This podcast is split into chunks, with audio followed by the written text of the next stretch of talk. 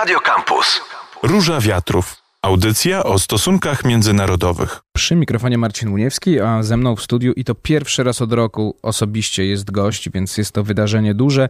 Maciej Giers, analityk w firmie Esperis Consulting, ekspert do spraw Skandynawii. Witam serdecznie. Dzień dobry. Panie Macieju.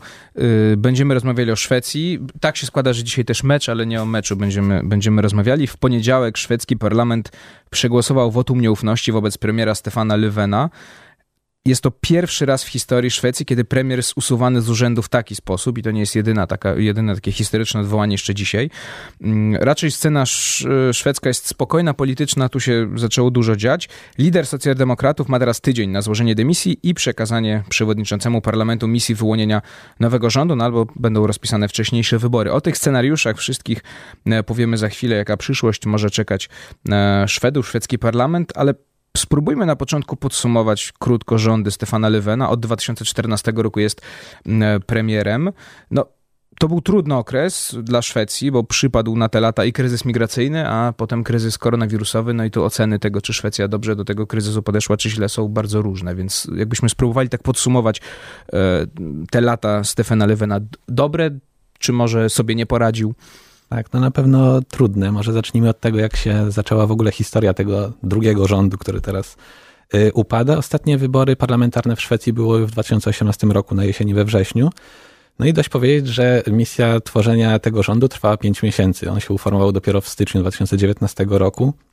Po naprawdę długich, długich negocjacjach, y, kilku głosowaniach w parlamencie szwedzkim, y, jakby wotum zaufania dla, dla nowego premiera. I zakończyło się to tym, że w styczniu podpisano tak zwaną umowę styczniową e, między socjaldemokratami i Partią Zielonych, którzy już wcześniej tworzyli rząd, e, którzy jednak sami mieli raptem, znaczy do dziś mają 116 mandatów, liczącym 349 e, miejsc w parlamencie szwedzkim. No, co było, jest wartością bardzo małą. Obecny rząd Stefana Lufena jest trzecim najsłabszym rządem w historii Szwecji pod tym względem. Więc potrzebna była koalicja. No, rozmowy trwały pięć miesięcy i zakończyły się no, pewnym takim przełomem dla szwedzkiej polityki, bo yy, partiami, które poparły ostatecznie rząd w, ramach tej umowy styczniowej, czyli tworzonej przez partię rządzące, czyli socjaldemokratów i zielonych, były partia Centrum i Liberałowie, czyli takie centrowe, liberalne partie, yy, które, co ciekawe, tradycyjnie tworzyły blok zwany sojuszem. Sojusz czterech partii, czyli liberałowie, centrum, umiarkowani i chadecy. I ten sojusz rządził na przykład y, do 2014 roku. Więc jakby w styczniu 2019 roku pękł pewien układ na szwedzkiej scenie politycznej. I te partie centrowe, dwie z nich sprzymierzyły się z, ze Stefanem Luffenem. E, no i umowa styczniowa od początku była jakby źródłem problemów y, Stefana Luffena w tej kadencji, bowiem no jakby ten rząd socjaldemokratyczny i zielonych, jak wspominałem, trzeci najsłabszy w Szwecji, zobowiązał się w niej do wielu liberalnych postulatów. Co dla partii, która jakby tradyuje się do ruchu robotniczego, ma swoje jakby takie lecze w związkach zawodowych, no stanowi pewien problem. Y, I przez to w tej kadencji miały miejsce no dość, to nie było pierwsze wotum nieufności tego rządu w tej kadencji. To było bodajże trzecie, a gruźb ze, ze strony opozycji, z lewej bądź prawej strony nawet y, liczę, ile razy grożono Nowi Luffenowi y, obaleniem jego rządu. E, e, tak, jakby ta umowa była problemem, e, bowiem znalazły się w niej kontrowersyjne zapisy dla każdego. Y, rząd Stefana Luna, jak mówię, tradycyjnie socjaldemokratyczny, zobowiązał się na przykład do takich rzeczy jak liberalizacja pracy, co w warunkach szwedzkiego opiekuńczego jest no, zawsze temat kontrowersyjnym. Y, zobowiązał się do prywatyzacji Urzędu Pośrednictwa Pracy y, i do szeregu innych reform. I to jest ważne dla jakby tego, dzieje też obecnie. Zobowiązał się lewica, czyli partia skrajnie lewicowa, tak usytuowana bardziej na lewo niż powiedzmy socjaldemokracja i zieloni, nie będzie miała wpływu na politondu. E, no i ten dwa lata upłynęły e, rządowi Stefana Luffena w mojej opinii. Znaczy, nie chcę powiedzieć, że nic mu się nie udało, ale było mnóstwo, mnóstwo właśnie takich przeszkód, e, które ekwilibrystyczny sposób udało się jakby ominąć lub zamieść pod dywan. No, na przykład wspomniane przeze mnie reformy prawa pracy czy prywatyzacji urzędnictwa pracy zostały rozwiązane w ten sposób, że zostały przesunięte bo albo to jedna, bądź to druga partia groziła, że w przypadku uchwalenia tej reformy no po prostu obali rząd. Więc no to jest, to też pokazuje tą specyfikę ostatnich lat rządu, że demokratyczny rząd e, zobowiązał się do realizacji liberalnych reform i przez to, że te reformy wychodziły, był jakby wyjść z twarzą wobec własnych wyborców, realizować socjaldemokratyczną, tra taką tradycyjną e, w cudzysłowie robotniczą politykę. Dlaczego partia lewicowa wycofała swoje poparcie? Dlaczego do tego doszło? Albo mówiąc bardziej kolokwialnie, o co poszło? No bo na pierwszy plan wybija się kwestia urynkowienia czynszu w nowym budownictwie, czy liberalizacji cen. Ale to chyba nie jest jedyny, prawda, powód, dla którego e, doszło do tej, do tej kłótni. Yy, to znaczy, tak, yy, może zdanie sprostowania, lewica jakby formalnie nigdy nie popierała rządu Stefana Lufena. Oni byli no to była taka powiedzmy szorstka przyjaźń. No i okay, zawsze, no, oni zawsze twierdzili, że jeżeli Stefan Lufen przekroczy pewną czerwoną granicę, to oni jego rząd obalą. No i ta sytuacja... I tak się stało, okay. No i właśnie premier przekroczył e, pewną czerwoną granicę, którą było tak urynkowienie y, czynszów. Y, no to była kolejna reforma y, zapisana w tej umowie styczniowej, o której wspominałem. No i jak łatwo się domyślić, nie była to propozycja socjaldemokratów, tylko właśnie tych liberalnych partii centrowych. E, żeby e, właśnie zliberalizować rynek e, najmu w Szwecji. Chodziło o to, żeby, żeby dla nowego budownictwa i też bodajże budynków wyremontowanych na potrzeby najmu, te negocjacje wysokości czynszu, jakby, żeby zderegulować rynek, żeby ten czynsz był negocjowany już bezpośrednio między najemcą i najmującym, no co stanowiło ogromny problem dla, dla lewicy, dla której takie problemy socjalne są e, właśnie bardzo ważne. No i lewica wystosowała ultimatum wobec rządu Stefana Lufena. E, dała mu 48 godzin na albo podjęcie rozmów i zmianę zamysłu tej reformy, no albo złoży do, do przewodniczącego parlamentu wniosek o wotum nieufności wobec rządu. Ultimatum 48-godzinne upłynęło, rząd Stefana Lufena nie zrobił nic, ale y, lewicę ubiegła, ubiegli szwedzcy demokraci, czyli skrajna prawica, którzy to, to oni formalnie złożyli wniosek o wotum nieufności w parlamencie. No i miała miejsce bardzo no, ciekawa sytuacja, no, bo jakby była na papierze większość od skrajnej lewicy po skrajną prawicę, no to też właśnie jakby być może to był jeden z tych takich zworników tych ostatnich dwóch lat rządu Stefana Luffena, że zasadniczo jedyna większość, y, która była w stanie go obalić, mogła zaistnieć tylko wtedy, kiedy skrajna lewica i skrajna prawica zagłosują razem, co jakby y, długo nie miało miejsca. No ale teraz lewica stanęła przed no, ciężkim zadaniem, bo pozostawało jej albo zagłosować ze szwedzkimi demokratami, których lewica otwarcie nazywa faszystami i najchętniej otoczyłaby ich kordonem sanitarnym i vice versa. E, no albo jakoś wycofać się z tych swoich słów i niejako pokazać swoim wyborcom, że e, te sprawy czynszów może jednak nie są tak ważne. E, no i w poniedziałek o 10 rano Y, po jakichś tam negocjacjach trwających od piątku przez cały weekend doszło do głosowania, no, w którym 181 parlamentarzystów, y, potrzebna większość to była 175, zagłosowało za wotum nieufności. No i właśnie można y, zadać sobie pytanie, czy to rzeczywiście chodziło o tą reformę prawa najmu. Moim zdaniem nie. No jak wspominałem już przez te ostatnie dwa lata wielokrotnie że grożono Stefanowi Lufenowi wotum nieufności. Więc myślę, że złożyło się na to kilka czynników. No jakby lewica rzeczywiście wystąpiła w obronie tej właśnie swojej czerwonej linii postulatów ważnych dla samych siebie. Partie prawicowe wykorzystały tę sytuację, no bo jakby one są teraz najsilniejsze. Sondaże pokazują, że to one, no wiatr wieje w ich żagle raczej. To skupmy się teraz na scenariuszach, y, jakie stoją przed y, szwedzką sceną polityczną. Mm, podzielmy je na trzy, czyli takie, że y, jednak Stefan Löfven po jakichś tam negocjacjach, przetasowaniach zostaje jako premier jakiegoś innego rządu, w sensie mm, z, in, z poparciem innych partii, albo opcja taka, że powstaje inna koalicja, no albo przyspieszone wybory. Dodajmy, że gdyby do tego doszło, to będą pierwsze przyspieszone wybory w Szwecji od 1958 roku, więc dużo takich historycznych, pierwszy raz w historii wołany przez wotum nieufności, czy też te w 8 roku. To zapytam o ten pierwszy scen. Jest możliwe, że Stefan Löfven został w jakiejś innej y, układance politycznej w parlamencie. No tak, rzeczy drogi są dwie i na zdecydowanie się na którąkolwiek z nich Stefan Löfven ma tydzień. No, czyli droga pierwsza, no to są przyspieszone wybory, droga druga yy, to rzeczywiście utworzenie nowego rządu w ramach istniejącego parlamentu. No obie drogi są wyboiste, no ale tak skupmy się na tej, na wyłonieniu nowego rządu w ramach jakby obecnego rozkładu mandatów, no tu sytuacja jest y, ciężka. No, na pewno będzie wymagała kompromisów. No jak wspominałem, y, już ten, tworzenie tego rządu zajęło pięć miesięcy, y, więc rzeczywiście wydaje się, że jakimś logicznym rozwiązaniem, czy też często dyskutowanym zresztą w szwedzkich mediach jest jakieś przeformowanie obecnej koalicji, obecnej y, umowy właśnie tej styczniowej i nawet powołanie Stefana Lufena ponownie, znaczy powierzenie mu ponownie misji tworzenia rządu. No właśnie, na ile to jest realne, że, że Löfven zostaje jako premier e, Szwecji?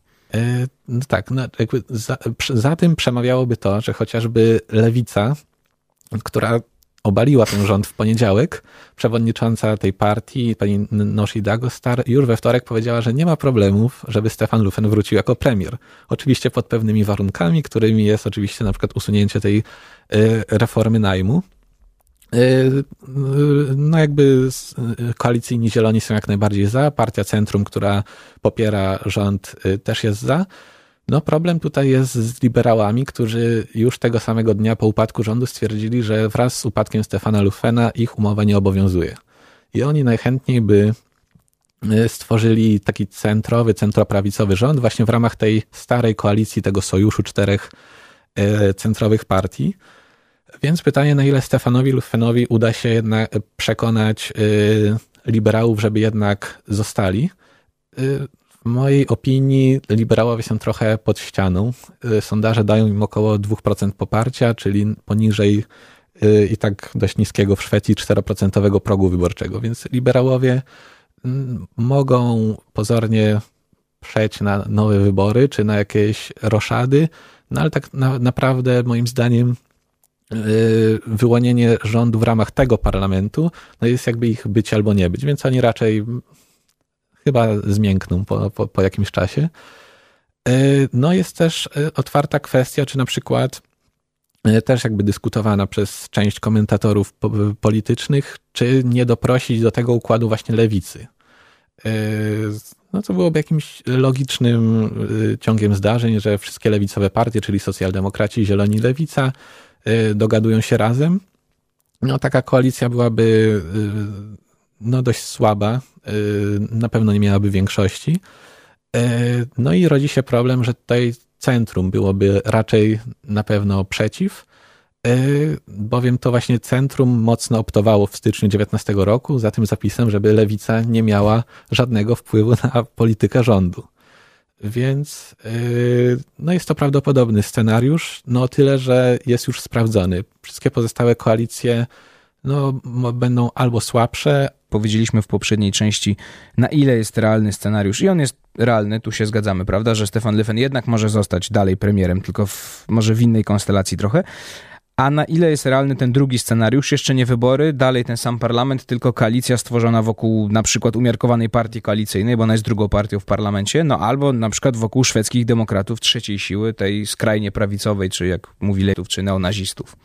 Yy, tak, może zanim yy, zaczniemy rozważać te poszczególne scenariusze, ja bym tylko zro zrobił takie yy, małą uwagę o specyfice szwedzkiego systemu. W Szwecji jest tak zwany parlamentaryzm negatywny, czyli rząd, żeby utworzyć rząd, nie jest potrzebna aktywna większość. Znaczy, większość w Riksdagu wynosi 175 mandatów, ale to nie jest tak, że trzeba mieć 175 mandatów, żeby y, ten większy, y, żeby rząd stworzyć, wystarczy, że większość nie będzie przeciw.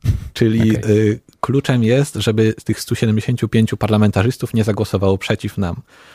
Bo jakby w warunkach szwedzkich rząd większościowy jest raczej czymś niezwykłym. Normą jest rząd mniejszościowy, dlatego to, że wszystkie te potencjalne koalicje będą miały mniej mandatów jest czymś jakby absolutnie normalnym. No i tak właśnie przechodząc do y, różnych potencjalnych y, układów, no to y, na przykład postulowany przez liberałów, ten, o czym wspominałem, rząd dawnego sojuszu, tych czterech partii centrowych, no miałby raptem 142 mandaty, czyli nawet mniej niż obecny, obecny układ rządzący. Gdyby poparli ich szwedzcy demokraci, to byłoby 174 mandaty, czyli brakuje im dokładnie jednego miejsca y, do absolutnej większości, no ale tu rodzi się kolejny problem, że partia centrum, która nie przepada za lewicą, równocześnie jakby dystansuje się od szwedzkich demokratów. Centrum raczej nigdy nie wejdzie w żaden układ, czy nawet rząd, którego stabilność zależy od, od szwedzkich demokratów, więc to jest układ raczej y, mało prawdopodobny. Ten układ, o którym już też wspominałem, czyli jakby obecna koalicja rozszerzona o lewicę, też miałaby 174 mandaty, ale tu z kolei też rodzi się kolejny problem, że centrum raczej nie wejdzie w układ z, ze skrajną lewicą. I to właśnie też pokazuje no, pewną y, ciekawą sytuację na szwedzkiej scenie politycznej, y, że de facto wychodzi na to, że głównym rozgrywającym obecnie na szwedzkiej scenie politycznej jest ta mała partia Centrum, która ma 8-9% y, poparcia. No i może się zdarzyć na przykład taka sytuacja, no, no na pewno jakikolwiek konsensus będzie wymagał, czy to negocjowany przez Stefana Lufena, czy przez kogoś innego, przekonania centrum. No i może się okazać nawet, że może ta mała partyjka y, no, będzie takim spoiwem tej nowej koalicji. No i na przykład przewodnicząca tej partii y, nieproporcjonalnie do liczby mandatów zostanie, zostanie premierem. nowym premierem, y, premierem Szwecji. No taki układ już stricte prawicowy, czyli umiarkowani szwedzcy demokraci i chadecy to jest 154 mandaty, no ale ten układ ma zagwarantowane 175 głosów przeciwko sobie, to jest, to jest pewne. Więc w, obecny, przy, w obecnym parlamencie, no, mimo wszystko wydaje się, że ten powrót Stefana Lufena byłby jakąś najstabilniejszą opcją. No albo przyspieszone wybory. No właśnie, i to ostatnie pytanie, już gdyby do nich doszło pierwsze, byłyby to pierwsze wybory od 1958 roku. Tylko e, no, biorąc pod uwagę e, teraz skład parlamentu, obecnego parlamentu i sondaże, to czy coś by się zmieniło, czy raczej byłby e, zachowany status quo, jeśli chodzi o rozkład głosów, albo jeszcze gorzej, albo jeszcze większe rozdrobnienie? Czy te wybory by coś zmieniły po prostu? Znaczy, na pewno sytuacja, moim zdaniem, byłaby trudniejsza, jeżeli opieramy się na tych najnowszych sondażach yy, z czerwca. No i też yy, przyspieszone wybory są obarczone szeregiem ryzyk. No jak już wspominałem, liberałowie mają około 2% poparcia, więc ta partia raczej wylatuje z parlamentu. Czyli na szwedzkiej scenie politycznej będzie jeszcze mniej partii, czyli jeszcze mniej tych klocków do ułożenia potencjalnej koalicji. Y, zieloni tworzący obecnie rząd 4,2% poparcia, czyli 0,2 ponad próg wyborczy, no to też nie jest właśnie pewne, czy zieloni by weszli do tego nowego parlamentu. Y, z prawej strony sceny politycznej HDC około 5%, czyli oni też tracą i też są bardzo nisko w tych sondażach. Y, no więc na pewno będzie przyspieszone wybory mogą przynieść dalszą konsolidację szwedzkiej sceny politycznej, czyli te mniejsze partie albo wypadną z parlamentu, albo będą miały jeszcze mniej poparcia, a te duże, czyli socjaldemokraci, y, umiarkowani, czy szwedzcy demokraci, może nawet przede wszystkim szwedzcy demokraci, jakby y, zyskają jeszcze więcej y, wyborców. No i jeśli chodzi o potencjalne scenariusze po wyborach, rząd prawicowy, czyli ten scenariusz, o którym już mówiłem, czyli skrajnie prawicowy szwedzcy demokraci, chadecy, umiarkowani, to było znowu 171 mandatów, czyli brakuje, czyli zmienia brakuje czterech. No przy czym ja tutaj bym taką postawił hipotezę, że e, szwedzcy demokraci dokładnie rok temu, latem, pierwszy raz w historii y, byli największą partią w sondażach, czyli przebili nawet y, socjaldemokratów y, umiarkowanych, z którymi trochę rywalizują te głosy na prawicy szwedzkiej. No i wtedy oni wypłynęli na temacie migracji i przestępczości zorganizowanej. Przez Szwecję przetaczała się taka fala jakby przez miasta szwedzkie przemocy zorganizowanej. No i ostatnimi czasy w szwedzkich mediach znowu się o tym dużo mówi. Ten temat migracji i tej przestępczości zorganizowanej wraca. Więc jeśli miałyby się odbyć przyspieszone wybory, być może w warunkach y, jakiejś ostrej kampanii skupionej właśnie na migracji, przestępczości i tak dalej, na takich sprawach właśnie bezpieczeństwa, no te partie, szczególnie szwedzcy demokraci, na pewno by zyskali. No i kto wie, może by te cztery dodatkowe mandaty jeszcze zyskali. Jeszcze zyskali. I tu kropkę stawiamy. Maciej Giers, analityk firmy Esperis Consulting, ekspert do spraw Skandynawii, był moim i waszym gościem. Bardzo dziękuję, dziękuję panie Macieju za rozmowę. To była Róże Wiatrów. My się słyszymy nie za tydzień, tylko za dwa tygodnie. A ja się nazywam Marcin Uniewski, na 97.1 FM zostańcie i tak jak mówię, za dwa tygodnie Róże Wiatrów. Radio Campus. Same sztosy.